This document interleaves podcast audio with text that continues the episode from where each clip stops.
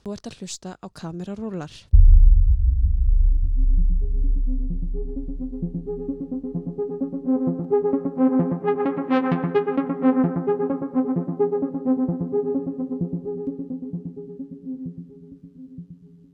Og við minnum á að þessi þáttur er í bóði hjarnverslun og hlustendur okkar eru með 20% afslátt í gegnum kóðan kamerarúlar.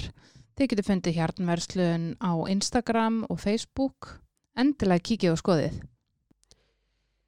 Við sitjum hérna í Nóa Sirius stúdíu podcastöðuvarinnar og hjá okkur er hún Beppa Skrifta. Vertu velkomin. Takk fyrir. Hvað segir þá?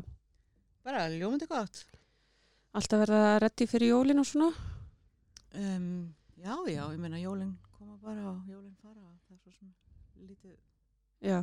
Lítil breyting á Einmitt. mínu heimili allavega. Ég skreit ekkert eitthvað voða mikið. Það er líka alltaf jól. Já, þú veist. Ég kveiki bara kertum og setja upp skreit. Ég verð ekki heima hjá mér um jólinn, ég er hjá mér um ömmunni. Þannig að ég þarf ekki að setja upp eitthvað tré. Ég kaup ekki marga gjafir, bú með helmingin af þeim. Þannig að þetta er bara... Ekki, ekki, ekki stress. Nei, Já. nei.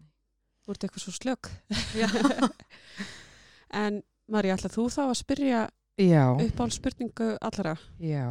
Hvað er uppáhalds bíómyndin og af hverju? Vá, byrjar bara hérna á erfiðri spurningu. Mm. Mm, Ég undirbjóði samt, mástu. Já, einmitt, en þetta var bara svona, ég er ekki enda að koma með svarið. Nú, Málega er að ég er ekki svona uppáhaldstýpa. Ég á ekkert eitthvað margt svona uppáhalds og svo e, þar að auki þá horfi ég á bíómynd og mánuði setna er ég búin að gleyma hún og gæti horta á hann aftur eins og sé að sjá hann í fyrsta sinn. Það er samt er geggjað. tengi. Það er sko, já, það er geggjað en það er hræðilegt samt þegar maður vill taka þátt í samræðum. Já, reyndar. Þá er maður bara, já, jú, ég hef séð þessa mynd, nei, Já. ég veit ekkert hvað senu þú ert að tala um. Mm -hmm. ég man ekki eins og hver leki henni en ég man hins vegar alltaf tilfinninguna ég Já. man hvort að mér fannst hún góð eða slæm eða hræðileg eða, eða, eða geggjuð, þú veist, ég man bara tilfinninguna við hvernig mér leið e, og þar leðandi veit ég hvort mér langar til að horfa á myndina aftur eða ekki en það er hins vegar ein mynd sem að mér langar til að nefna sem að ég sá þegar ég var í kveikmyndaskólanum uh, þá voru okkur uh, sínt þessi mynd sagt í bíósalunum í skólanum og hún bara, ég hugsaði eftir þessa mynd bara, þetta er besta mynd sem ég hef séð, ég ætla aldrei að sjá hann aftur. Að okay. hún var bara, hún sko hún sko held áfram að ég fætti svona, þegar maður er að horfa mynd og hún er svo óþægileg að maður, það er svona eins og að sé bara svona gangstetta hella á bringunni. Má ég giska hvað myndið þetta er? Mm -hmm. Hvað myndið sí? Nei. Nei, ok. Að því að það er einmitt þannig mynd. Já, ég var að hugsa það líka. og ég var alltaf, ég var að horfa á sem, við horfum á þessum mynd og ég var alltaf að býða eftir svona comic relief eða einhverjum svona breather þar sem að maður er bara svona ah, ok, þú veist, og svo byrjar aftur eitthvað aksjón, en það var aldrei þannig þetta var bara áfram, áfram, áfram, áfram bara einhvern veginn og maður var bara einhvern veginn og svo var líka bara annar moment í myndinni sem að er bara eitthvað sem ég hef aldrei áður séð, sem að ég var bara, ok, þetta er styrlað sko. Og hérna, þetta er sérst myndin Funny Games og þetta er austuríska útgáfan. Ég hef líka séð mm Mhm. amerísku útgáfuna sem var bara algjört drull þó hún sé eins ramma fyrir ramma en þá er hún bara einhvern veginn sikurhúðaðri eða einhvern veginn svona veist, þessi var bara svo orginal óþægileg sko. Já, mér finnst einmitt þegar Amerikanar endur gera evróskar myndir eða sem er út fyrir Ameríku, þeir ná ekki að gera hann eins vel. Nei, það er eitthvað, það er eitthvað einmitt, við það sem að þau bara ná ekki alveg sko, einhvern veginn innlagninni eða sannleikanum eða eitthvað, það verður alltaf eitthvað aðeins yfirbúrskendara. Mm -hmm.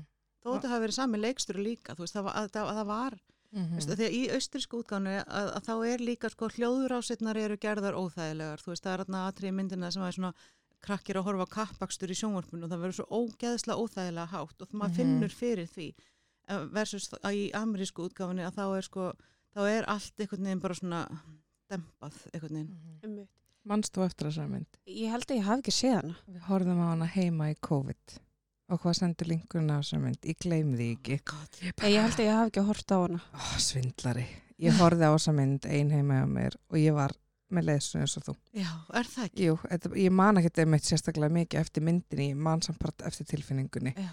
Og mér fannst hún hundleðileg myndin, sko, en mér fannst hún líka mjög óþægileg, sko. Já, mér fannst hún bara eitthvað, ég ég man ekkit endilega sko, jú, ég man reyndar fyrðulega mikið svona þannig sögutráðin eða svona situationið, en ég man bara að svo var hann eitt að trefmyndinni þar sem að, og sérstaklega því við vorum hérna, mörg að horfa og það var einn með fjárstyringuna Mhm.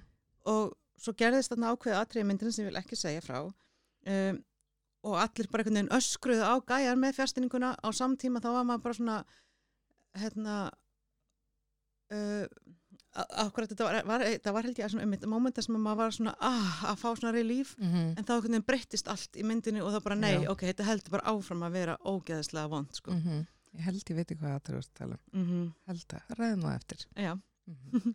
En já, ég, já, engin uppáhalds. En svo er náttúrulega, þú veist, Untouchable, svona franska myndin Ah, hún er æðisleg. svo æðisleg, ég get Það er mitt, mér finnst, ég horfði svona brot úr amerísku útgáfinni, Já. mér finnst hún ekki ná sama. Nei, mér dettur ekki huga að horfa á hana einmitt. Já, hún, var, hún var bara í gangi eitthvað starf þar sem ég var og ég Já. alveg bara, ok, ég ætla að sjá og sem bara, ef nei, ég veist, að því að mér finnst í- franska, bara frum gerðin vera Já. frábær. Hún er svo aðeinslega og það er einmitt mynd sem ég man eftir að ég hef síðan að það oft og en ég nýti samt alltaf að horfa á hana og ég er alltaf búin að gleyma svona einhverju, þú veist, að Mhm. Já, það er líka svo einlegt og fallegt samband sem að myndast þarna á milli Nefnilega. tveggja stjætta, já, einmitt, og milli tveggja sko minni hlutahópa, Já. einnig líka. Eða þú veist, en já, bæ, bæ, já, bá, Já. Veist, annar þeirra er vissulega sko í minni hlutahópa en vissulega algjör fórundar pési samt sem Já. áður, þú veist. En hérna, en já, þetta er bara einhvern veginn svo, Mm Já, og líka bara því að svarti strákurinn, hann, veist, einmitt, hann er svartur og fátækur. Og sen er heim nefnitt sem að tilhöra einmitt forréttendum og er í minni hlutahóp já, og hvernig þetta svona já, mér finnst það bara ótrúlega falleg já, flétta þetta einhvern er bara aðeinslega mynd og ég fer alltaf stuð líka bara, að hún er svo skemmtileg, Já, einmitt. húmor í henni líka, hefur ekki séð hana? Nei, ég hef ekki séð hana. Ó, þú verður að sjá hana. Já, hún er aðeinsleg. Ef við horfum ekki á hana á skólum, þá er ekki múin að sjá hana. það er svo les. Einmitt. Ok, já, skemmtilegt. En þú varst að segja einna rétt á þann áður en við byrjum að þú er í skóla. Já, einmitt. Já, ég er í meistranámi í riðlist. Ok, wow. Ok, sko áður en við fyrir út í það. Já. Þá að segja okkur hver Bebba er. Af því að sko, við höfum bara heyrt um þessum Bebbu skriftu. En hvernig byrjaði þetta allt? Hvað ertu búin að vera að gera í lífunu? Ég er búin að vera að skrifta. um, hvernig byrjaði þetta allt? Hvað ég að fara langt aftur? Bara af hverju ég fór í kvikmyndaskólan eða af hverju fór að venja Já. að skrifta? Bara af hverju þú ákvæmst að fara í þennan bransa? Já. Um, Hvernig þetta allt byrjaði? Það er svona, já, ég sem sagt egnaðist barn uh, bara þegar ég var nýbúin í framhaldsskóla. Og þá var stefnan tekin að fara held ég í hérna, sálfræði eða eitthvað í háskólanum. Uh, svo vektist dóttir mín og ég var með henni í hérna, uh, barnaspítala.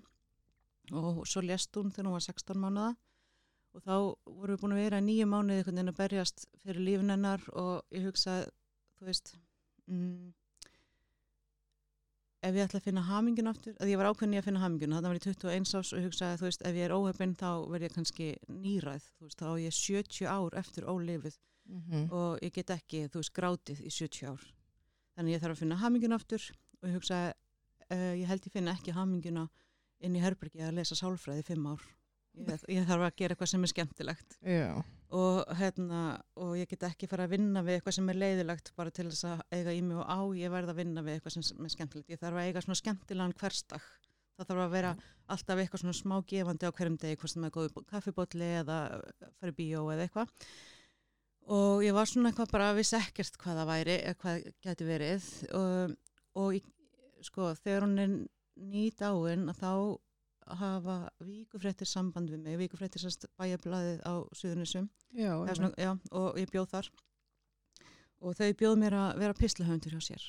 Og ég þykk það og gera það og, og kjölfur að því bjóðu þau mér að vera bladamaður í tímariti sem þau ætla að gefa út um sömarið, hvort það voru þrjú tölblöð eða ekki leis uh, þykk það lí, líka.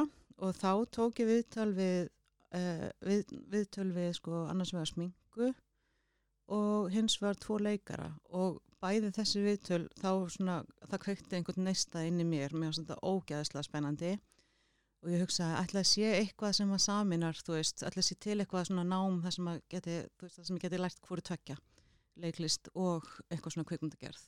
Og googlaði bara og fann þá kvikmyndaskólan sem var akkurat að byrja með þetta var svona, já, byrja með nýjar deildir með leiklist þar meðal. Uh, þannig að ég sæki bara um þar og fer þar í gegn og hérna klára það nám það var tvekkjara nám og lærið mitt leiklist uh, en ég var alveg jafn og opinn fyrir því að læra kvikmyndagerðina og eða framleiðslu eða leikstjórn eða eitthvað og ég fór bara með svolítið svona bara, ha, ég, þú veist, Mhm. ég er bara til í hvað sem er eitthvað og hérna Varstu þarna bara 22, 3, hvað svo leiðis? e, já, 20, já, 21 þegar ég eignast hana, 22 þegar ég missi 23 þegar ég fer að nýjum skóla 20, Mhm. 2007, já og hérna uh, en hérna Böðabjarki sem að ákveðumskólan hann, hann hún fannst bara mjög sneitt að ég færi leiklistina sérstaklega svona ári eftir basmissi að, að við myndi hérna, vinna svo mikið úr sorginni þar og eitthvað svona dra, dra. og sem er bara örglega rétt hjá honum það var bara ógslag gaman að færi leiklistina og bara góður grunnur líka að hafa í kvikmundagerðinni Mhm. um, já og þaðan síðan sagt, í eina önnina þá var hann Þorsteinn Gunnar að kenna okkur uh, og þegar ég er svona að fara að útskrifast þá hérna, er ég statisti í dagvaktinni minni mig og hitti þar einmitt uh, Þorsteinn Gunnar uh, og við svona erum eitt mál, mál, að því hann var að kenna mér og hann svona, þú veist við sátum hann að drekka kaffi og borða hraun eins og auka leikarar gera. Og býða, þetta er ekkert nema Einmitt. alltaf. Og hérna og þá var hann að segja mér hann var að fara að leikstýra sinni fyrstu mynd í fullri lengt og var að segja mér frá henni og það var mjög spennandi og, og svo bara liður dagurinn og við erum búin með allt kaffi og allt hraunið og, og hérna, erum út á bílastæð og, ég, og bara svona kvæðjums bara, æ, gaman að sjá þig. Og, og svo segi ég við hann bara, já, ringdi í mig að vanta skriftu og hann bara, eitthvað, já, ok, bye. Svo var ég bara, skriftu, okkur sagði ég skriftu ég veit ekkert hvað skrifta gerir. Okkur sagði ég ekki ljósamann eða eitthvað, ég veit þá allan hvað þeir Já. gera. En það var enginn búin að tala um skriftustarfi neitt við mig í skólanum. Það, það var enginn skrift á Íslandi er mér sagt. Og þú veist það, þetta var bara ekki starf sem að var notað í íslenski kvimtgerð á þessum tíma. Þannig að ég var bara, af hverju, þú veist en svo er ég bara, já, whatever, þú veist stundum segir maður bara skrifna hluti Já, og já. bara Og fólk hann hefur glæði ekkert eftir að ringja. Og... Nei, einmitt og bara nema hvað daginn eftir eða eitthvað, þá hringir hann og bara, heyrðu það vantar einmitt skriftu, ertu til í að gera þetta? Og ég var bara, já, ekkert mál og svo bara, þú veist skell ég á og ég bara, shit og þau bara á, þú veist, Google bara og bara Wikipedia bara, how to be a script supervisor, eitthvað og eitthvað svona, þú veist, og bara les mig til um það og þannig að bara eitthvað alls konar sem kom upp þarna. Um, og svo bara mæti ég á sett og þar er hann hérna uh, Gunnar Björn aðstoflegstöru og hann svona segir mér eitthvað svona sirka líka þú veist eitthvað, já það er nú kannski sniðt að skrifa þetta niður og eitthvað. Og ég bara þú veist skrifa eitthvað og tekna eitthvað hann upp og bara, ég veit það ekki, ég veit ekki eins og hvort að klipparinn hafi lesið skriftiblöðin yfir höfuð sko. En svo sem sagt um, átti ég á aðra vinkonu sem að uh, fannst svo frábært að þekkja að þarna tvær, eiga þarna tvær vinkonur sem að væri í kvömmbransanum og kynni mig fyrir henni vinkonu sinni sem er Katrin Björg, Björgvinsdóttir. Og við þarna drekkum einn bjór saman og, og, og, og verðum Facebook vinkonur og stuttu setna sest, eftir tökurnar á Jóhannes þá sendur hún mér, herri ég er að fara erum að fara að gera kvikmynd sem að heitir Órói uh, langaði að vera rönner og ég var bara, já, frábært gegga fæ þá senda hann sem sagt uh, krúlistan, sé að það vantar skriftu og ég sendi tilbaka herði neymi langa frekar að vera skrifta. Og hún bara, ok um, ertu með einhverju reynslu? Og ég bara eitthvað mm, ég, ég gerði Jóhannes en hún var ekkert komin út þannig að það var ekkert hægt að dæma mig eftir henni sko. Og hún sagði já ég skal sjá hvað ég get gert. Nema hvaða, hún fer bara til Baldvins og hérna og segir, herrðu ég er hérna með skriftu. Baldvin var búin að vera í vandræði með að finna einhverju skriftu. Og bara já, herrðu hún er bara potthett og hérna tip-top og alveg með allt á hreinu og we go way back og eitthvað svona segir bara eitthvað svona alls konar. Um, sem að verður til þess að Baldvin vil hitta mig og ég hitti hann og Sippu klippara og, og og hérna bara við hefum spjall og, og, ég, sko Baldvin segir alltaf að ég hafi logið mig inn í ennum bransa. Kanski pínu. Ég vil meina að það hafi verið Katrín sem að lög mig inn í ennum bransa. Já. We go way back og hún er alveg top solid bara já, mögulega. En ég vissi þetta ekki, sko, þegar ég fer og tala við hann, en ég sagði samt alveg á þessum fundi, ég hef einu sinni gert þetta áður, Já, en sagði en ég treysti mér alveg í þetta verkefni og þú veist, ég hérna, tel mig hérna, alveg hæfa til þess að gera þetta. Og svo lendum við í alls konar vandræðum í óróa sem að var til þess að starfi mitt varð miklu starra heldur en innan gæsalappa, þú veist, bara skriftustarf, þú veist, ég var svolítið einhvern veginn þurfti að halda utanum alls konar annað um, fyrir aðra deildir sem að uh, kom svona smá babbi bátinn með það og þá einhvern veginn bara var Baldin bara, ok, Beppa, þú ert æfir áðinn skriftan mín, þú ert eina skriftan mín í lífi og hann stóð við það, sko er það? já, þangað til að ég þurfti að segja nei við hann og það var bara óbúslega Æ. heartbreaking, sko Já, bara svona end of a Era. era, já, en hann reyndi síðan aftur en þá var, þá var ég mitt komin í skólan og bara já. þurfti að segja nei, en þú veist there will be time when we Mhm. meet again En fórstu þá beint í mastersnám í reyðlist eða, nei, fórst, tókstu ekki að bíja í einhverju þá eða? Jú, ég tók bjað í þjóðfræði uh, sem ég fór í, í kjölfæra á kvikmyndaskólanum, þá byrjaði ég í því að ég var svo hrættum að fá ekki vinnu í bransanum og þetta er því svo óstöðugt og dataratara, bara óttin við þetta frílands dót sko. Sem bara svo margir eru með. Akkurat og hérna, þannig að þá fór ég, tók hérna einhverja einn eða tvo vetur í, í þjóðfræði og var þá að vinna bara í kvikmyndagerð á sumrin. Um, já, og svo fór ég í börnátt þarna 2020, bara, var, hvernig var COVID? 20, Klassa 21? árið 2020. Já. Já. Já, veist, og var þá rauninni, á, áður en að COVID byrjaði og allt það, þá var ég búin að, hérna, þá var ég komin inn í kerfið hjá virk en vildi klára tökur sem ég var búin að taka að mér og mér langaði að taka.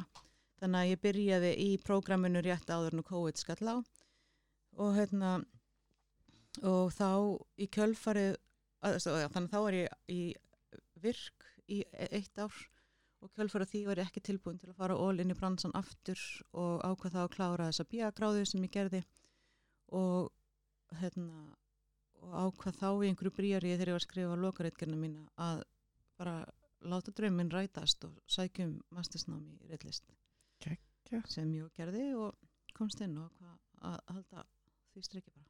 Á- Áttu mikið eftir eða? Ég á leiðilega lítið eftir, þetta er allt og stutt nám sko. Já, er- Langar að vera aðeins Já, lengur. ég væri til að dullast í þessu bara í svona tíu ár sko.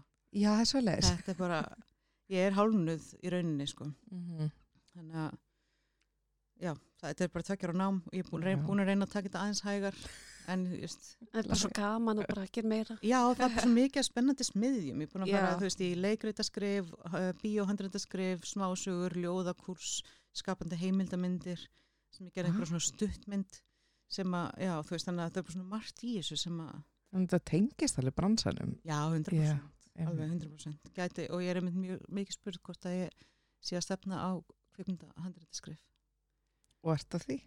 Bara bæði og sko ég hef, Já, já, já. ég uh, er alveg, Mhm. mm -hmm. hef alltaf haft áhuga á því auðvitað og náttúrulega búin að vinna mjög mikið með handriti gegnum tíðina þannig að það kannski komið tíma að ég skrifa mitt eigið ég bara hafa mjög miklar og, og já, sterkar skoðanir á handritum annara alltaf, Já, já. alltaf að fakt checka allt bara byrju þetta gengur ekki upp og þetta þarf að vera meira svona og, og einmitt er búin að vera líka stundum svona, hvað heitir það, svona script consultant eða svona Svona ráðgjafi, já. Já.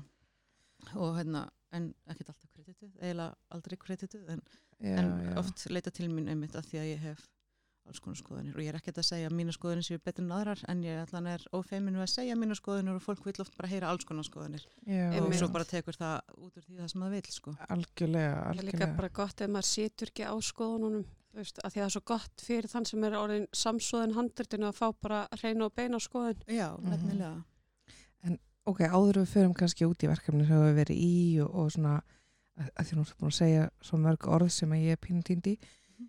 hvað er starfið þitt sem skrifta sem skrift supervisor? Mm um, Sko ég ætla að reyna að taka þetta bara í svona röð. Uh, ég fæ handriti í hendunar og þá les ég það yfir og þarf ég í rauninni að læra það utan að. Svona, já, svona gott sem og ég þarf að fakt tjekka það í rauninni eða þú veist þegar bara pa- gengur, gengur sagan upp uh, fyrir þá er ég að meina þú veist mm, að ég bý til innri tíman líka gengur það upp að, að þú veist þau séu að horfa á fréttir í sjónvarpinu en næsta sinna á eftir þá séu bötin að mæti skólan þetta er náttúrulega fárunlegt dæmi en, að en, já, þannig að og passar það, veist, uh, passar það tímalega séð að allt þetta gerist á korteri.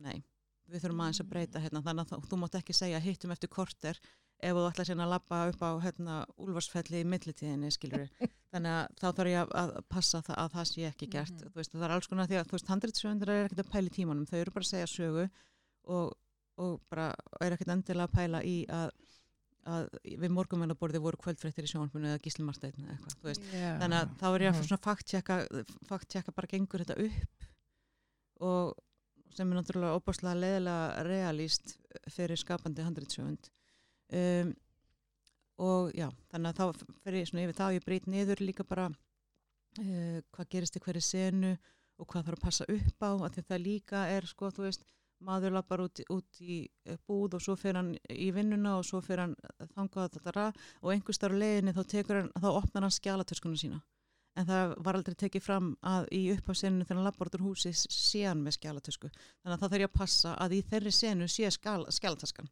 en þetta er auðvitað líka í höndum propsara að leikmyndadeildar og allt svoleið sko, Mhm. en skriftan hefur sérst yfir umsjón af continuity veist, uh, allar deildir hugsa um sitt continuity eins og smink og bún og, og props og þetta. En, en hérna, skriftan hefur síðan líka svona yfir umsjón með, með því. Uh, og að því Þannig sorry, þannig að þetta eru deildir sem eru með sitt continuity Mhm. en þú ert með svona yfir umsjón yfir allt, alla heldina í Já. raun og veru. Já, þau horfa á, þú veist, uh, sminkið er að fylgjast með hárlokkunum kannski og búningar er að pæla í rennilás eða einhverju þannig en ég þarf að horfa á, á sem sagt bara allt líka og, veist, og Mhm. bara betur sjá augu en auga og það er bara, mjög, það er bara ekki vannþörf á að séu allir að fylgjast með þessu eða margir um, en mitt svona hlutverk á setti er að um, basically að á meðan að leiksturinn er að horfa bara í auguna á aðaleikurunum að þá þarf ég að horfa á allt hitt. Þannig að hann geti bara einbytt sér að leiknum uh, og þá, ég, þá þarf ég að passa upp á þessi litlu smáatriði eins og að passa upp á continuity til dæmis og ég þarf að passa upp á sem sagt uh, að ekkert sé ramma sem á ekki að vera þar eins og speiklanir eða fólk eða kaplar, bóma, skuggar uh, speiklanir, já, ég það um, ljós, bara eitthvað kaffimál uh, og allt sé í ramma sem á að vera þar uh, þú veist, ef hann ef einhver hjælt á einhverju glasi og eða, þú veist, já, veit Mhm. ég hvað ég meina uh, og hérna þarf að passa að alla línunar komi fram og séu koferaðar nú vel, þú veist við, að við séum eigum hérna allar setningar í, veist, í sem, í sem flestum römmum Mhm. um, og læta á leikstur að vita ef, að við, ef okkur vantar alltaf setningu hjá einhverja þessa setningu bara við eigum hana bara hérna, er það nóg fyrir þig eða, eða eigum við að reyna að ná henni í þessum ramma líka Já. og eitthvað svoleiðis, þú veist Er það þannig close up og white og allt Já, þetta, þetta sé til í- úr öllum áttum í rauninni. Já, þú veist, það er eitthvað samtal og oft kannski ef að leikarinn lítur alltaf undan þegar hann segir hérna, drottin minn dýri eða eitthvað, að þá, þá þarf ég að taka eftir bara við eigum aldrei neitt segja þetta, veist, að því að við erum alltaf búin að vera á þessum karakterum eða eitthvað þannig, þú veist, okkur Mhm. vantar close-up af þessari setningu eitthvað, Mhm. og þá bara þarf ég að spyrja leikstur, er það, veist, er, það allt í lagi eða þarftu að eiga variasjón þar sem þú getur klift í þessa setningu eða eitthvað um, Já, og svo náttúrulega ger ég líka innri tíman sögunni og dagsetningar og hvað klukkan er allan tíman þannig að það sé alltaf uh, svona, sam, uh, svona já, að klukkan sé ekki átta á örbygjöfnunum en hún er uh, kortur yfir sex á úrinu og svo eitthvað allt annað á Mhm. eldursklukkunni Já. þannig að, já, svona samræma það og eins bara ef við varum dagblöð eða dagatöl eða eitthvað að þá, hérna, já, þá þarf ég alltaf líka að vita dagsetninguna já, og sem ég bara býr til eitthvað og reyni að finna út uh, tíð og tíma bara út úr handritinu, þú veist Mhm. og hérna um, já, passa líka að, enginn horfi í myndavel eða leynsum Já. um, og svo skrifa ég niður allar þessu upplýsingar hvað er að gerast í hverju tökur fyrir sig, nú með hvað er skotið uh, en nú hvað er þessi taka veist, og skrifa veist, hvaða, hvernig kameru sett upp er, er þetta hérna, mediumskot eða close eða víkt eða uh, hvað er að gerast í hverju skoti og hvernig hvaða linsar á kamerunni filtrar og þetta dóttir í Mhm. uh, hvað var gott og hvað var slæmt fyrir alla deildir, þú veist þarna hárlokkurinn, bla bla bla þarna veist, ekki nota það, en gott þegar að hann saði þetta, eða hvað þannig Mhm. og náttúrulega helst frá leikstjóra þannig að ég er í rauninni milliliður setsins og leikstjórans, já, milliliður setsins og klippara Já, já. Þannig að klipparinn upplifi í rauninni að hann hafi verið á setti, eða gæti upplifa eins og hann hafi verið á setti og viti hvað gerðist þar Mhm. og viti þá hvaða tökur uh, leikstjóri vill og hvaða tökur að ætti ekki nota á slis Ég mitt. og svo líka bara svona stuðningur við leikstjóra því að það eru alltaf deildir, það er kameru deild og það er smink deild og það er búningadeild og, og leikstjórin er svona einn skriftarinn er svona einn og þarna er svona skriftarinn, nei, skrift, hérna, já þannig að leikstjórin getur svona oft svona fengið svona önnur augu frá skriftinni líka bara ef, ef hann vill, þú veist, Mhm. þá bara svona ok, hvað fannst þið þarna, bara þannig að sé einhver um, Kannski líka bara svo hann fá feedback væntanlega. já, þetta er bara meira svona, já, Já. þetta er bara svona stuðningspúði, bara, Mhm. þú veist finnst þér á eittum að taka þetta aftur eða eitthvað þannig Mhm. en, já, en það er bara rosa mísæft líka bara, þú veist, sumir vilja það ekki en, en, sum, en Mhm. flestir samt En er þá starfið, finn, er starfið alltaf svona í öllum skriftuverkefum sem þú tekur að þér? Ertu alltaf að taka handriti fyrst og svo, og það er bara starfskriftu yfir höfuð? já, bara ég þarf að þekka handritið aftur og baka áfram að því að ég líka spurð bara hérna, Beba, þú veist, gerðist þetta á undan þessu eða gerðist, þú veist, eitthvað og ég Já. að geta svara því strax og þú veist, ég, og bara býtu Beba var hann með vettlinga þegar hann fór inn í sjoppuna þegar, veist, þegar við Mhm. tókum, sem við tókum fyrir kannski mánuði síðan en nú erum núna að taka þegar hann kemur inn í sjoppuna og þá þarf ég, að þá þarf ég að muna og vita, veist, hvort hann hafi verið með vettlinga eða ekki og auðvitað líka búningadeild og allar einmitt og að tala um áðan, sko já. en, en mitt að ég er mjög, mjög gjarnan þessar spurningar Og En ert ekki líka að það er svo margt sem þú þarft að hafa í huga í þínu starfi, ert ekki bara búin á því andlega eftir vinnudaginn? Já. ég ger ekkert þegar ég er í tökum þá ger ég ekki neitt annað í rauninni sko. Já. þess vegna fór ég Já. en þetta er rosalega mikið magn af upplýsingum sem þú þarft að innbyrða og væntalega kannski jú komið með einhvern undirbúinstíma og annað en ég meina undirbúinstími væntalega er bara mismönd eftir verkefnum og undirbúningstímin er í rauninni bara að brjóta niður handritið og, hérna, búa til svona efnisefleiti að þannig, þú veist, einmitt. um, og, og læra það, að læra handritið. En ég, einmitt, í tökunum sjálfum er síðan veist, ég þarf að allt sem ég var að segja, ég, það þarf að gerast á sömu sekundinni, þú veist, og stundum eru tveir mónitórar og þá þarf ég að geta hort að sé þess öll sm smátriði á báðum mónitórum, þú veist. Og hérna já, þannig að þetta er, svona heilin er bara á 150% snúningi bara í 10, 12, 14 tíma Mhm. þannig að jú, þegar ég kem heima þá bara sit ég stundum í mann hérna veist, já, þegar ég kem heim stundum eftir vinnu og sérstaklega það er í löngum verkefnum þegar ég er búin að vera að vinna í 10-12 tíma og jáfnvel 14 í, þú veist, margar vikur að þá kem ég heim og ég er bara svona sit einhvern veginn bara á gólfinu og ranka síðan við mér bara svona 40 mínútum setna bara í útifötunum öllum og í óþægilegri stellingu og er svona bara, ok, þú veist fer þá að hérna bara klæðum úr fötunum og kannski bara busta tennun og fara upp í rúm í staðin fyrir að gera það bara strax, að því maður þarf bara alltaf aðeins að ná sér niður. Mhm. Oft satt ég líka bara út í bíl bara í klukkutíma, bara áðurinn í fór. Já, bara heilin stoppaði, Já. þurfti að fá breyk. Já, og ég bara, og ég man ekkert hvað ég geri, bara ranka, bara ég veit cirka hvenar ég kom heim Mhm. og þú veist, en, en ég veit ekkert, ég gerði ekki neitt í mittiltíðin, ég er bara gónd út í loftið og það var bara, það var engin hugsun í gangi.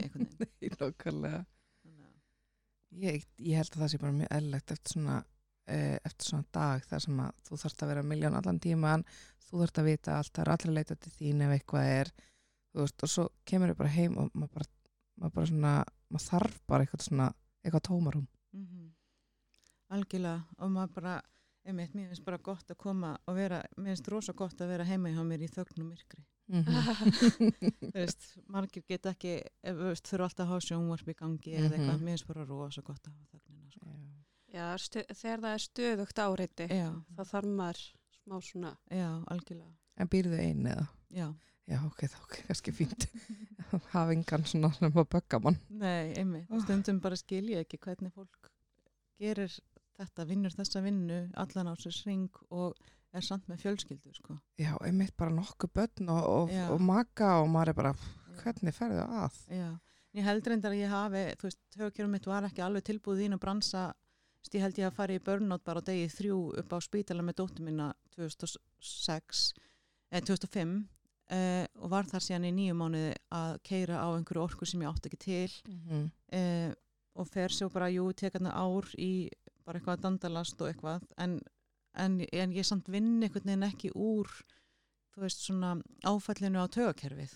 Ég vinn alveg úr sorginni en ekki e, bara þreytunni og allt þetta og ég upplýði mig alltaf á einhverju svona tveimur levelum fyrir neðan aðra. Þú veist, ef að fólk er bara já stundum orkuríkt og stundum þreytt og allt þetta, ég upplýði mig alltaf svona tveimur hillum fyrir neðan, bara stundum orkuríkt og stundum þreytt en alltaf einhvern veginn úrvind og örmagna inn, inn í mér einhvern veginn þannig að ég held að ég hafi þess vegna verið bara svolítið hérna, uh, skotmark fyrir kulnun að þegar maður fer síðan að vinna 10, 12, 14 og upp í 20 tímastundum veist, og allan ástring alltaf bak í bak og það er bara helgi á milli verkefna eða stundum reynda tvær vikur og stundum mánu en maður gerði samt aldrei neitt á þeim tíma því maður var alltaf hrættur um þú veist, ég þorði aldrei að panta ferð til útlanda vegna þess að ég vissi ekki hvenar næsta verkefni myndi byrja eða hvenar næsta síntal kæmi og ég þorði ekki að eyða peningum vegna að ég vissi ekki hvenar næsta innkoma kæmi.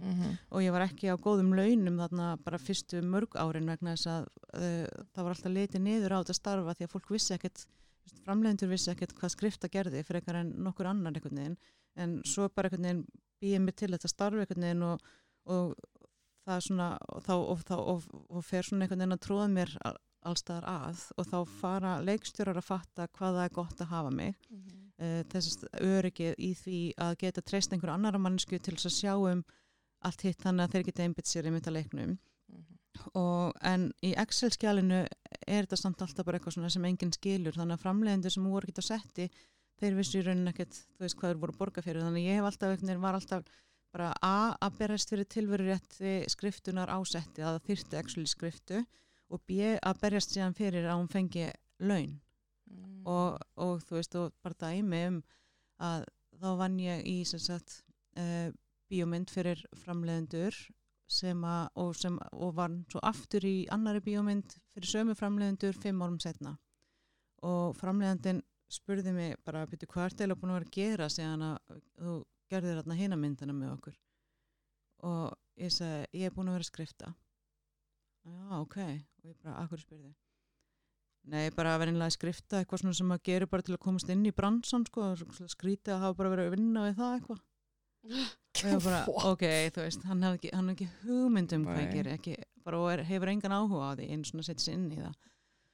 Þannig að, já en hvað var ég að segja áður en ég fór og ég er bara svo meist að einhver hafa sagt þetta. En þú veist eik, ok, þú veist, öll þessi störf geta verið eitthvað sem að þú gerir til þess að koma þér inn í bransunum væntalega þarf þetta að byrja einhver staðar. Akkurat. Hvort sem þú byrja sem runner, PA þú veist, mm -hmm. eða catering eða skrifta, hvað sem það er og hvað ákverðin hún tekur síðan eftir það að verða eitthvað annað það er ekkert tengt því að þetta sé eitthvað byrjunastarfi í bransanum Nei, og svo er Sumum finnst líka bara gaman kannski að vera rönnir PA að þeim finnst gaman nákvæmlega. að vera að keira og brassa og vera á hlaupum. Já.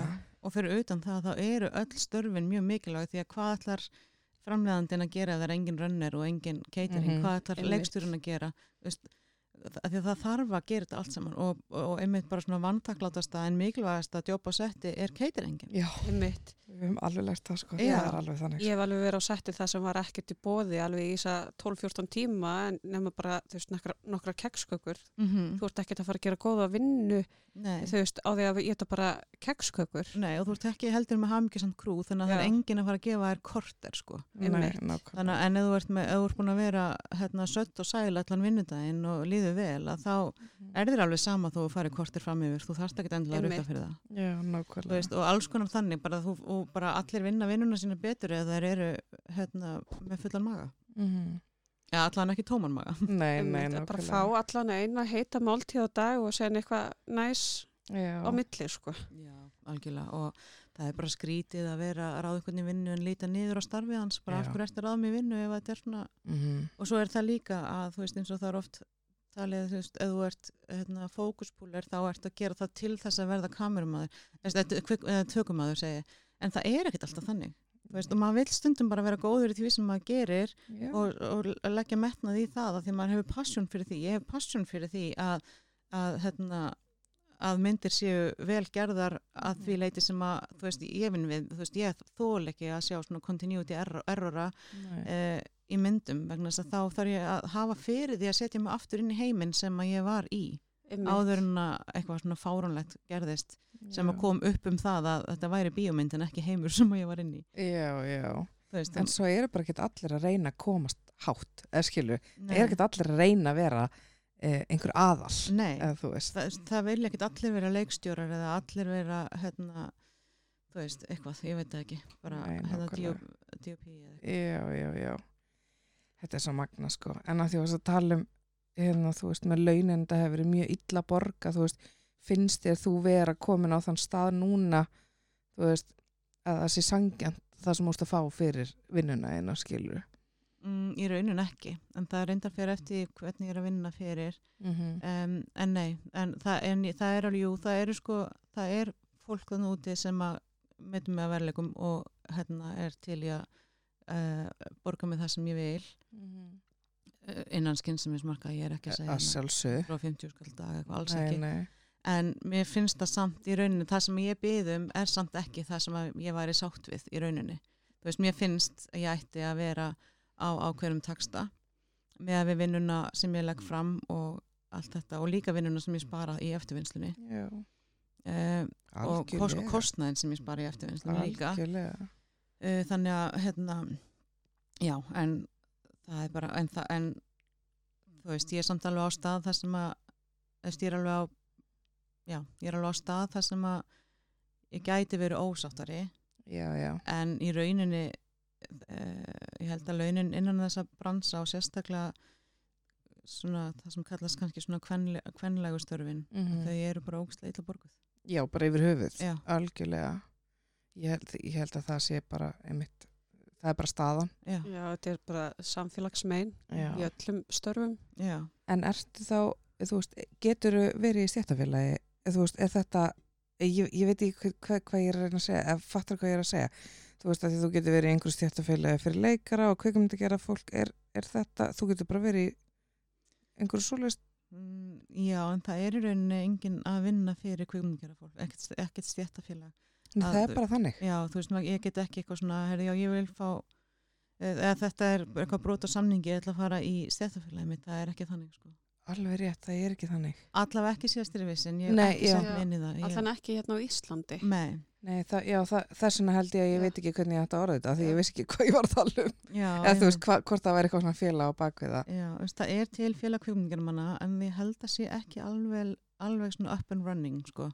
Nei, ég held að þessu ekki í einhverju svona kjaradeilum, sko, eða einhverju Nei, svona... En það hefur svona staðið til og er svona einhvers konar, í- er svona í mótun þó það er einhverjir mjög ötulir eh, hérna, félagsmenn þar sem að bara hafa metnað fyrir því að koma þessu í gang vegna þess að við erum búin að tala um þetta í mörg ár. Algjörlega. Uh, og ég bara veit ekki alveg hvað staðan er af því að í undanfærum 2-3 ári hef ég voða lítið verið að vinna. Ég er búin að vera bara í Mhm. skóla og virk og eitthvað. Og það er alltaf leið, við skulum bara komast að þessu. Já, Við skulum bara komast að þessu að gera það. En- ekki varstu heppin að, svona, láni og ólóni að þú algjörlega fóst í börnátt bara svona 150% á þessum tíma og varst ekki að missa hann ennu. Mhm, Það var æðislegt. Þetta var góður tími til þess að vinna í sjálfum sér. Já, og þetta var svo geggjað. Mhm. að því að það var engin eitthvað, jú, komdu út eða, að ég ætlar að fara heim núna og heldur ekkert svona FOMO, þú veist, ég var ég var bara heima að gera ekkert og það var allt í lagi vegna þess að allir hinnir voru að gera það líka, allir í Einmitt. heiminum voru heima að gera ekkert, þannig að ég var ekki að missa neinu. Þa, það er svo gott fyrir svona fólk sem að á kannski erfitt líka þegar þú ert komin í svona örmögnun að þá er oft svo erfitt að segja nei að því maður hefur alltaf sagt já Mhm. þú veist, maður er svo meðvirkur einhvern veginn með ástandinu Mhm. og maður er gætna að fá fómo og vill vera með en þá er Einmitt. þetta bara svona já, ég, ég get verið bara heima og vera að hlúa sjálf, sjálfu mér sko. Já, akkurat. Það var bara fullkomið, sko. Já. En við tölum aðeins um óráa ef ég má. Já. Af Því þú myndist á óráa áðan. Mhm. Uh, að þar hefur komist að því að, að þú þyrftir að gera miklu meira heldur en það sem Baldun var að beðja um í upphafi. Mhm. Þú veist, hvað var það? Þú veist, þú kemur þarna inn og heldur og eigir að gera hvað? Já, eðst, ég kem þarna bara inn með hérna, eitthvað svona learning by doing skriftustarf og hérna og sem er bara basically continuity þú veist, ég var ekkert þarna að pæla í klukkun endilega eða eitthvað þannig. Sem er í rauninni það sem við höldum að skriftustarf sé, bara eitthvað svona að pæla í já, continuity og skrifa niður einhverjar senur, já, já, og það, að það er það alveg í grunninn en svo náttúrulega bara kemur þjálfunin bara þú fær alltaf betra og betra auga ef, eftir smáatriðunum þú veist, eh, eitthvað sem að fólk almennt endilega sér ekki. Eh, og svo líka bara einmitt eh, hérna, eh, já, já, eh, í órán lendum við nefnilega í að þú veist, það voru allir nýjir einhvern veginn í þessu verkefni nema aðstofleiksturinn, hann var einin sem var með reynslu. Baldvin var leikstur að sinni fyrstu myndi fyrir lengt og, og eitthvað. Og það var bara svona einhver miskilningur eða eitthvað klúður í búningadeildinni að það voru, var ekki til búningur fyrir hvern dag í handriti þú veist, já, einmitt, sem var líka það sem skrifta gerir að, að skipta niður í daga.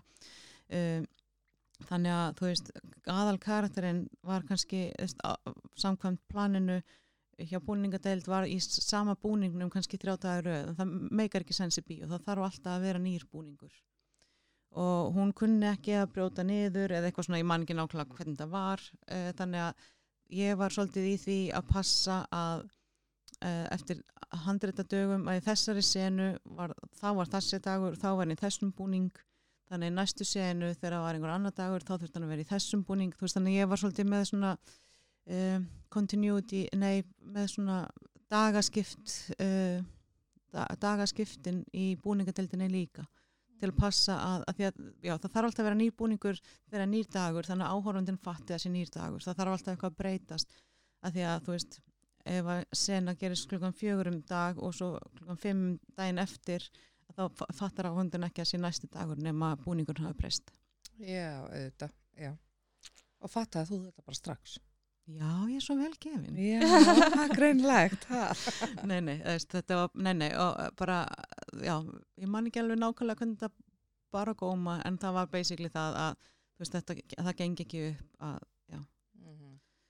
svona, eð- já, ég er bara líka með svona frekar svona sterka aðteklisgáfi, þannig að ég hef alltaf verið bara svolítið svona eh, næm á smátrið og teka eftir einhverju svona, þú veist, eins og ég horfði á klúles bara svona, held ég þrísvar á dag eftir skóla þegar ég var unglingur bara í einhverja mánuði þú veist, uh, horfði á hana spólaði tilbaka og horfði aftur á hana Hm. og, og hérna en svo bara gati ég ekki horta á hana lengur af því að það var svo mikið að villum í henni sko. Já, og fast fann að taka eftir. já, já, þetta var bara, þetta var bara fáránlegt gati ekki horta á hana og bara með margar myndir þú veist. Já, já. þannig að, já, þannig ég Þetta getur alveg verið pirrandi sko. Já, æði þegar maður vill bara, þú veist, maður, vill, maður fer inn í, maður horfur bíómyndir til þess að fara inn í einhvern annan heim heldur en raunveruleikin er, eða þú veist, þá er ég ekki að tala um að allir sé að flýja einhvern sásöka, heldur bara, Já, að, líka bara sem afþreng, þú veist, ég vil bara hafa gaman, ég vil bara að slökka hans á heilanum, ég vil bara vera aðeins inn í hérna þessum þætti eða þessu, þessari bíómynd. Og þá er svo pyrrandi þegar að eitthvað, svona, þú veist, kemur upp um, þú veist, maður sér alltaf bómu í mynd og bara, æ, nei, ok, já, þetta er, já, já, en Þetta er- já. já, Þetta er og- bara í þykjustunni. Já, og eins líka ef að maður er kannski einhverjum svona rosa djúpu, eða þú veist, hlusta á einhverju einhverju svona djúpt samtala sem er einhverjum svona rosa tilfinningaríkt eða eitthvað að svo er allt í þú veist, eitthvað sem gerist. Og þá, þá missum maður því sem er verið að segja, þú veist, að því að það, það er, veist, fiskifluga að skrýða á innrætingunni fyrir ofan og maður fylgist með fiskiflugun allt í einu og hann heyrir ekki þetta tilfinningaþrungna samtala með þess að tekja manna. Um Oh my god. Ertu búin að vinna í einhverjum erlendu verkefnum? Uh, já, ég vann í mynd sem, að, sem, sem, er bara alveg erlend eða líka með íslensku Já. framlýslu. Já, kannski meira svona alveg erlend sem er þá svolítið öðri í sig heldur en íslensku framleysla. Já, ég vann í einni mynd í Íslandi sem heitir Firebird. Ó, Og hvernig hérna- var það? það var rosalegt Var það allt öðru sig? það, mér leið eins og þetta væri svona 1970 á Íslandi Oh my god. já þetta var hræðilegt ég bara hvernig þú veist launin voru algjörlega bara svona kúkur og kanil sko en að ég tók þetta í rauninni og launin eru það ennþá í Íslandi. Uh, en samt var eins og Tallinn er bara ekki ódýr borg, þú veist, kaffibóllin þar kostar að sama, fannst mér og, og kaffibóllin á Íslandi veginn. Þannig ég skil ekki hvernig fólk lifir á svona launum þar en allavega að þannig að já, það var bara við vorum alltaf einhver staðar úti á landi og fórum alveg svona ringin í kringum Tallinn, nei, kringum Ísland og vorum svo líka einhverja vikur í Tallinn og vorum alltaf einhverjum svona hótel, á einhverjum hótelum út í raskati og í tökum kannski klukktum fjarlæð. Svo vorum við í tökum í 16 tíma og áttum þá eftir að fara upp á hótel uh, þú veist, keira upp á hótel sikkert klukktíman við það. Um, og það var einhvern veginn engin catering talað um cateringu. Einmitt. Mhm. og þá stundum var kaffi og vatn og stundum var eitthvað nammi en það var alltaf eistnins nammi og ég er mikill nammi grís en þetta var ekki gott nammi. Og, og bara ég er, það, ég á mjög auðvelt með að borða vond nammi og bara sem hegi harðindum og bara vera super sæl með það en þetta var hræðilegt. Og það var stundum svona eitthvað það var svona einhver svona catering tjald eitthvað svona, en það var alltaf svolítið langt frá setti og ég sem skrifta hafði aldrei tæ- tækifæri til þess eitthvað herði nú ætlum ég bara að rölda hann í tjaldið og fá mér rúbrauð þannig að það var ekkert í bóði uh, stundum náði ég því einhvern veginn stundum var að komið upp áður en að tökur byrjuð og þá gæti ég fengið mér smá morgumata því að við náttúrulega náðum aldrei hótelmorgumatnum eða mjög sjaldan hótelmorgumatnum Já. uh, og þegar við komum aftur upp á hótel þá var kvöldmaturinn búinn og þú veist þannig að það var ekkert neitt og það var engin sjoppa í þessum, litlu krummaskoðum sem við vorum í. Og hérna og hátegismaturinn var alltaf einhver svona kássa. Og þetta var svona eins og í fangilsi og líka svona glæra súpur. Og ég bara man eftir sko lýsingunum af súpunum í Ásvits sem að var bara svona einhver svona glært, bara basically einhver svona, já, ekkert einhvern veginn í því. Mhm. og ég er svo veit ekki, eftir tvær, þrjár vikur af kássu og maður vissi aldrei er þetta svínakjötu, er þetta lambakjötu eða kjúklingur eða fiskur, það er bara sama bræði af þessu öllu og ég bara, ég gat, ég var farin bara, ég gat ekki borða þetta Mhm. og ég var er svo klíugjöld stundum og hérna og ég var farin að geta borða kannski bara svona þrjá, fjóra bita til þess að segja mesta hungrið en annars var ég bara með öskrandi hérna, maga bara allan daginn Skemmtilegt fyrir hljóðið. Einmitt. en og svo var ég bara eftir einhverjar, eftir svona, já, þú vorum hálnu þeld ég, var búin, með átta vikur eða eitthvað og ég var búin að missa tíu kíló Oh my god. að þá, hérna, og stóð bara fötin mín voru bara svona basically hangandi, ég þurfti actually að binda hérna, út í buksunar utan á mig og allt þetta og hérna og þá var ég bara veist, ég man bara, ég fór að gráta á einhverjum tímapunkti að því ég var svo svöng. Og ég var ekki búin að borða í svo margar vikur og ég vissi ekki hvenar ég fengi næst að borða. Ég var bara fullkomlega búin og líka náttúrulega notabenni að vinna, vinna þú veist, 16 til 20 tíma á dag. Mhm. og s- ég svaf þá náttúrulega ekki neitt og allt þetta. Þannig að já, og svo voru e- e- eiginlega aldrei kamar og setti heldur og þetta, já, já, þetta var bara Þetta er bara hræðilegur aðbúnaður. já, en það var ógislega skemmtilegt fólk að setti og það var mjög gaman hjá okkur en, Já, það er nú fyrir öllu. já, það hitt var ekki í lagi. já Já, hérna. En þú veist, þetta var rosalegt æfintýri. En það var mjög gaman. En Þetta er ákveðin reynsla. já, heldur betur. Búin að pröfa þetta. Já. Það var eitthvað öðru að skrifta í þeim. Uh, nei, í raunin ekki, sko. Ekki þannig, nema uh, hann var svo rosalega mikil, sko, mikil kallremba tökumadurinn og talaði rosalega illa, uh, litla ensku og fannst ég bara vera einhver svona stelpuskjáta.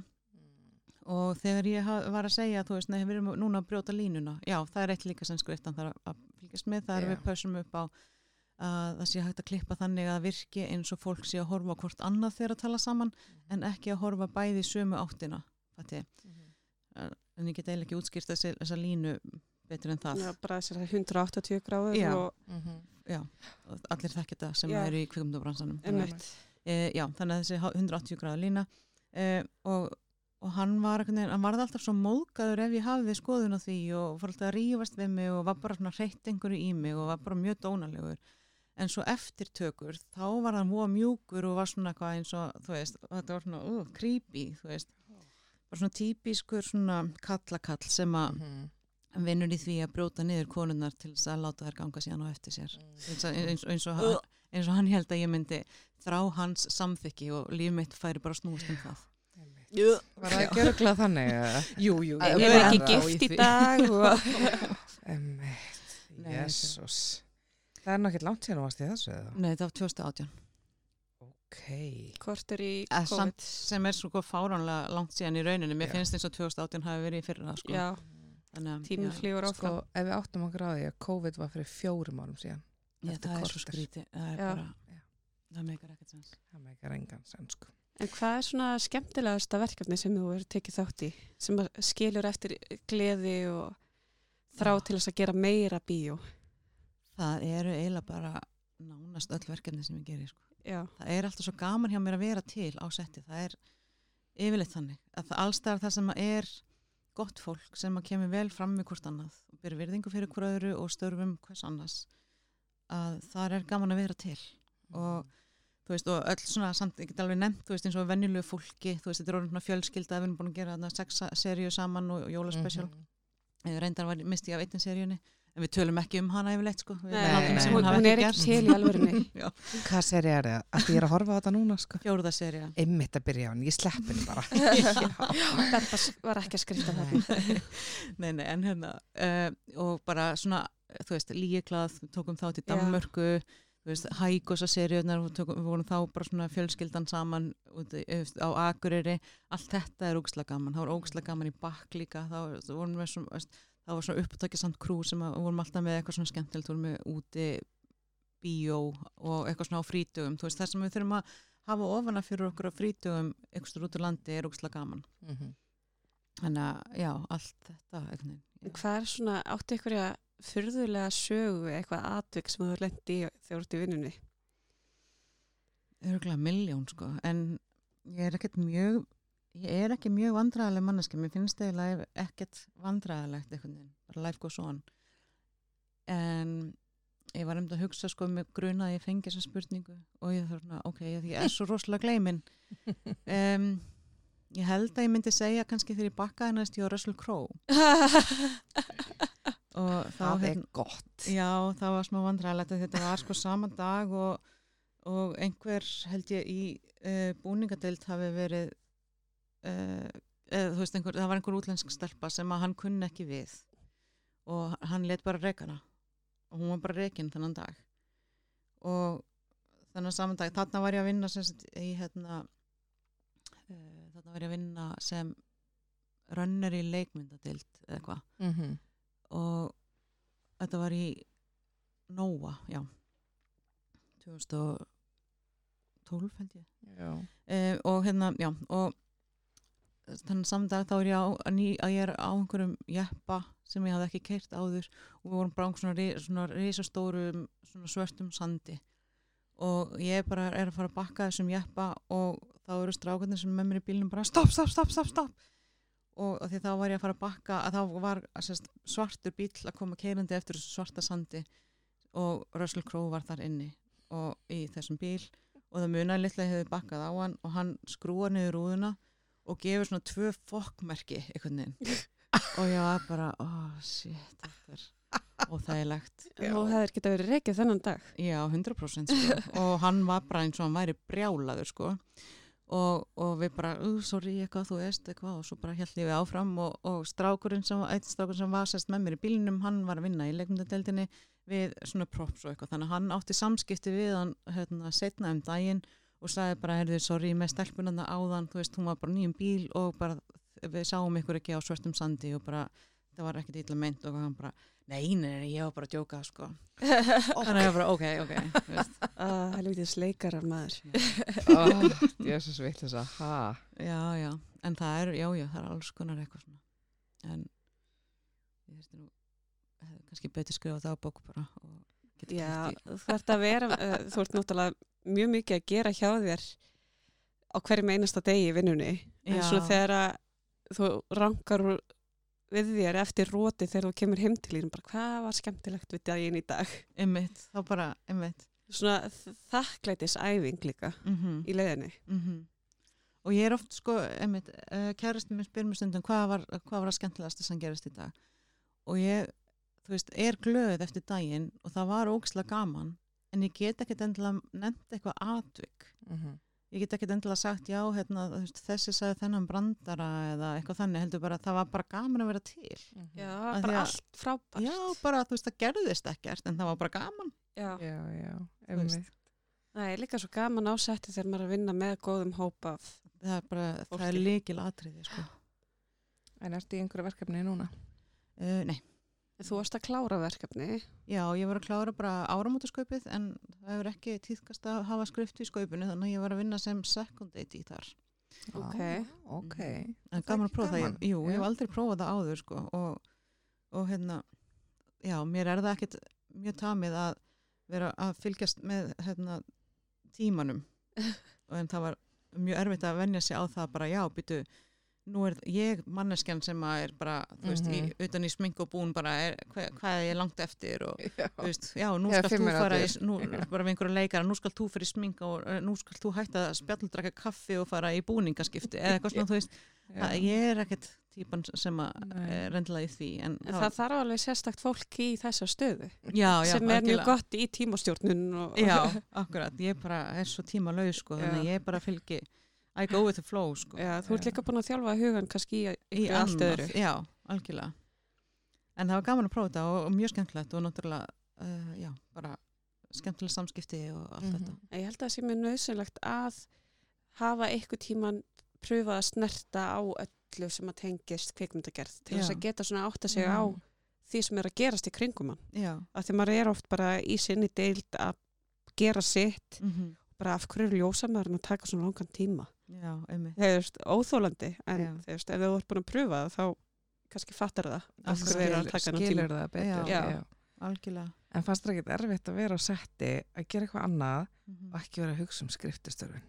Jú, nema bara að í einmitt skaupinu það eru svo ógislega margir leikarar og margir sketsar þannig að ég hafði eiginlega aldrei tíma ég var einhvern veginn allan tíman alltaf bara uh, Þú þangað, þú þangað, þú já, þangað. já, og ringja og, Já. og búið til kólsít og ringja í þennan og hinn og, Mhm. og senda e-maila og allt þetta þannig að ég var, var svo lítið á setti en þegar ég var á setti og Fannar og Benni voru leikstir á skaupinu og ég, og Fannar höfum unni mikið saman Mhm. þannig að hann var alltaf svona uh, hérna, þú veist, hann tók því alltaf mjög vel ef ég hafði skoðun á einhverju og Já. ef, ég sá hvað þá, þá þú veist, Mhm. uh, hérna, þá sagði ég það og, og þeir bara hlustuðu á það og, eða ekki, skilur, þú veist, þeir bara tóku við því allan Einmitt.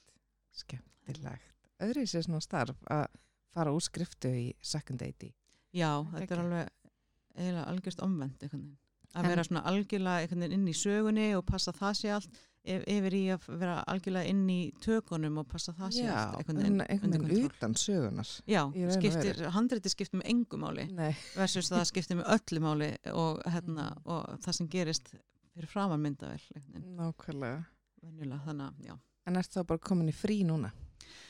Já, núna er ég bara komin í jólafrí og fer svo bara áfram í skólan uh, heldur bara áfram í skólanum eftir áramót Mhm. og ætla bara að reyna að finna mér einhvers konar vinnu með náminu. Það er erfitt að vera í kvikmyndagerð og námi á samtíma. Af Því að þegar maður er í kvikmyndagerð og er í verkefni þá á verkefni mann bara alveg. Og, Já, það er það ekkert- mann bara. Já, ég held að þú getur fundið er alveg eitthvað skemmtilegt sko. já, já. Eitthvað sem líkar upp á daginn. Er Já, örugglega já. eitthvað. Eitthvað sem gefur. Mhm, eitthvað sem gefur. Þar sem að hamingjan er. Já. Það fer að koma að lokum hjá okkur og mér langar til þess að spyrja einnig að loka spurningu. Mhm. Hvaða ráð myndur gefa einstakling sem er að taka sín fyrstu skref sem skrifta eða bara inn í nýjan bransa í kvikmyndagerð? Mhm.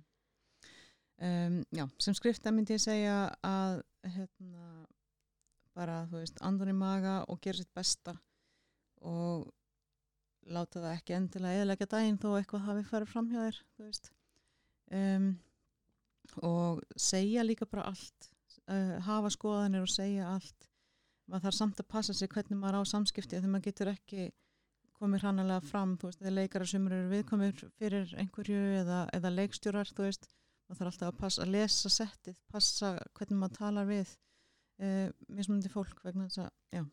Þannig að bara, já, en segja samt alltaf allt. Þó svo að leiksturi eða einhver segir að skiptir ekki máli veist um, og þá, að, að þá ert þú allan búin að koma þín á framfæri og, og þá líka að skrifa það niður fyrir klippara uh, og bara stundum þarf að taka barátur og segja bara, herðu já, þú, þú segir að þetta skipt ekki máli en ef þú vilt að fólk horfi aftur og aftur á myndina þína að þá skiptir þetta máli. Þetta skiptir kannski ekki máli ef þú vilt að fólk horfi bara einu svona myndina. Um, og eins líka bara að bara, hérna, já, þetta er bara svona ja, taktu pláss. Þá, þú mátt vinna þína vinnu. Þó svo að öllum finnist þú vera fyrir og öllum finnist þú vera óþólandi vegna að tefja tökur því þú segir þetta sé ekki komið eða þetta er ekki nóg gott eða þetta var eitthvað vittlust en þú ert bara að vinna vinnuna þína. En ertu þegar þú segir sko uh, að, taka, þú veist, segja skoðanir og, og, hérna, og taka pláss og eitthvað mm -hmm. þú veist, ert að segja bara eitthvað me, mér varst þetta ekki meika sens þú veist, segir það alveg bara ef að það meikar ekki sens eða ertu bara eitthvað svona þar, finnst þér alltaf, þú veist, kemur alltaf með rauk fyrir því, skilur, Mhm. ertu alltaf bara þetta meikar ekki sens af því að eða ertu bara eitthvað þetta meikar ekki sens eða skilur við mig Já, ég þarf náttúrulega að útskýra af hverju það meikar ekki sens og ekki tekið mm. bara til dæmi þá var í til dæmis eitt í eðnum og hérna þá var sem sagt eh, einum karakter kastað á glerborð og sem að var svona, þetta var svona gler ofan á svona trjátrumbi og það var borðið. Og í þessu skoti þá var þetta borð í forgrunni og við sjáum sem sagt karakterinn uh, detta að kamuru á borðið sem brotnar. Og það er náttúrulega bara svona sigur gler þarna sem, eða sigur hérna og, og trjátrumburum var svona svampur. Og svo kom allir á mónitor og skoða skotið eftir á e, og allir bara, fólk actually klappar þetta var svo frábært skot. Og ég var bara, ha? og bara rétt upp henn bara nei, þe- þetta er ekki komið, við getum ekki haldið áfram þetta er Mhm. fáránlegt. Og fólk var bara, ha, byttu akkur jú, vegna þess að þegar hann lendir á borðinu að þá svona krumpast trjátrumburinn saman eins og svampur. Það var fyrsta sem ég hugsaði að þú sagði þetta. Já, akkurat. Ha? Og, og þau bara nei, nei, ég var bara, jú og bara nei, það tekur enginn eftir þessu og bara ég tók eftir þessu, ég vissi ekki að þessi trjátrömpur var í svampur fyrir en ég sá það gerast veist. já. og það, er einmitt þetta bara, nei, ég sá þetta ekki bara, Já. nei, það þýðir samt ekki að það sé ekki þó að þú hefur ekki séð það, ég sá það þá, annarkort þetta segja ég sé eitthvað já, einmitt en allan og, og, ég, og þú veist, ég svona á, að þræti aðeins við balta með þetta og hérna, og ég segi, þú veist, og hann nefnir segir þetta, þetta skiptir yngum máli, ég segi balti, ef þú vilt að fólk horfir aftur myndina þína, þá skiptir þetta máli, en ég meina, þú ræður auðvitað, þetta er þín bíómynd, ég er bara að segja, mér finnst þetta skrítið. Og það er alveg fleira fólk eins og ég, ég er ekkert ein í heiminum sem tek eftir smátriðum og hann bara, ok, við tökum aðra tökum en ég ætla að setja svona skilt inn á myndina. Þetta, þetta er skotið hennar beppu þannig að Uh, þannig að maður tekin og, nei, já, og líka hann sagði bara hvað hefur þá að gera, þú veist, við verðum að nota þennan svamp, þú veist, hvað hva, hva vilt að við gerum? Mhm. og þá þarf ég líka að vera svona, þú veist, opinn fyrir því að leita að lausnum sjálf. Þannig ég sagði, ok, ef við, ef við færum bara kameruna aðeins aftar þannig að við erum með meira borðinu fórgrunni þá sjáum við að þessi trjátrömbur er ekki heill heldur er, er hann hólur, þú veist, við sjáum í gegnum hann. Þá getum við tala okkur um trú, eh, trá, tala okkur trú um það að, að fóturinn sem sagt brotnaði að fattiði mig. Já, að gefa já.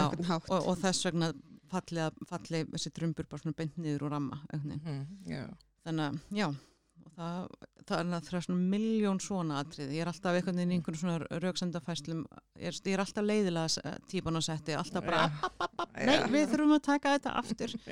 Mér finnst það bara að vera nöðsynlegt já, já, Já. algjörlega, og ég tek því ekki næri mér líka því að, þú veist, kannski fólk hefur líka bara farið að þekkja mig og veit að ég er ekki alltaf í vondurskapi, ég er alltaf í góðurskapi en, það, en ég lít bara út eins og sé í vondurskapi því ég er bara mjög einbeitt og Já, já. og ég þarf að koma skilabúðum uh, á framfæri á mjög skömmum tíma þannig að ég, skil, það, ég kannski get alveg verið hranalega eða kvöss en, Þú en ert ég, að sinna vinnunni þinni já, en ég meina það alls ekki neitt kvast eða hranalega ég er bara mjög já. einbeitt og, hérna, og tek því mjög alvarlega þannig að já, þannig Mér ég myndi segja bara standa með sér og, já. Og taka, því, taka ekki inn á sig þó einhver eh, sé eitthvað að reyta einhverju. Og mér finnst líka gott á bættir hann við, þú veist, að þú þarft að vera opinn fyrir því að finna þá lausn ef þú ætlar að koma með kommentið að þetta make ekki sens. mm akkurat, veist, að það er ekkert allir tilbúinir í það. Nei. Maður veit það alveg. Já, en svo getur maður líka alveg verið skrifta sem er bara drullu sama. Veist, þetta er bara þín bíómynd, mér er alls sama. En ég verð alltaf svo passionate, ég, þetta verður alltaf bara eins og ég, eh, sko, eins og þetta þurfi að vera besta mynd allra tíma og, og það sé á minni ábyrg, eða þú veist, ég segi það ekki alveg, alls ekki. Já. En, en þú veist, að því að í rauninni hvað er ég að gera? Ég er að eigða allri minni orku í að gera bíómyndir annara eitthvað meira professional eða þú veist, en að Já. geslapa. En ég, mér þarf ekki að vera svona andum þetta. Þú veist, ég get alveg valið Mhm. að setja minni orku í þetta, að setja þú veist, meira kæruleysi í þetta og, og velja ekki svona rosalega baráttur. Mhm. En ég vil bara gera, eh, vinna vinnunum mína vel og ég vil að hérna, geta, veist, sett nafnið mitt á það stolt og algjörlega, á endanum þá er nafnið þitt á þessu Já, já, algjörlega. veist, það er líka það þannig Já. að mér finnst bara, mér finnst náttúrulega alltaf allir eiga að vera svona passionate, í starfinu sínu að því að á endanum er þetta samvinna Mhm. og nafnið þitt vera á þetta Já, algjörlega. Þannig að, já, er Já. eitthvað sem þú vilt segja að lókum? Eitthvað sem þú vilt bæta við, eitthvað sem við erum að gleyma? Þú veist, þetta er mjög skemmtileg vinna og, og hún hljómar kannski svona rosa helluð sem hún er, en það er samt líka ógislega gaman. Já, og þetta hljómar svo áhugavert. Já. Núna veit ég allan miklu meira um störf skriftunar Já. og einmitt, þetta er rosalega mikilvægt starf.